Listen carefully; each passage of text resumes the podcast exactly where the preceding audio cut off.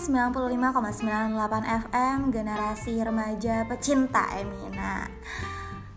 Halo guys, ketemu lagi sama gue Dwi. Spesial banget di podcast gue kali ini. Gue mau mereview seputar produk yang pasti kalian udah kepo sana sini Udah cari sana sini, bener gak?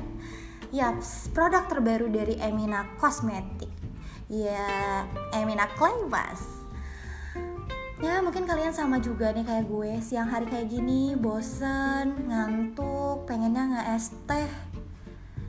Dan pastinya pengen banget tuh coba Emina Clay Mask Seger kayaknya. Siang hari begini maskeran pakai masker terbaru dari Emina.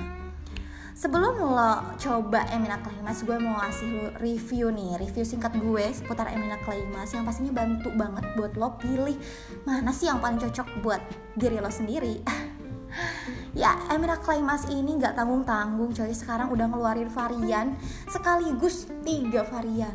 Warnanya dan packagingnya yang pastinya lucu dan travel friendly banget. Buat lo yang sering keluar sana sini yang sering travel sana sini cocok banget pakai Emina Claimas Emina Claimas tersedia dalam tiga varian bro sis and girl di mana pun kalian berada ada brightening, sebum control, dan ada juga yang shoot and smooth.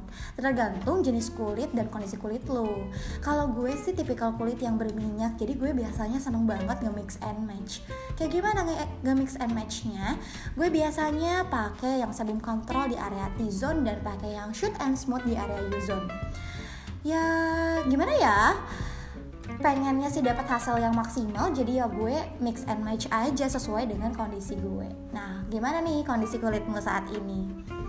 Kira-kira cocok pakai Emina Kalimas yang mana? Brightening sabun kontrol atau shade and smooth? Yuk komen di bawah ini. Thank you guys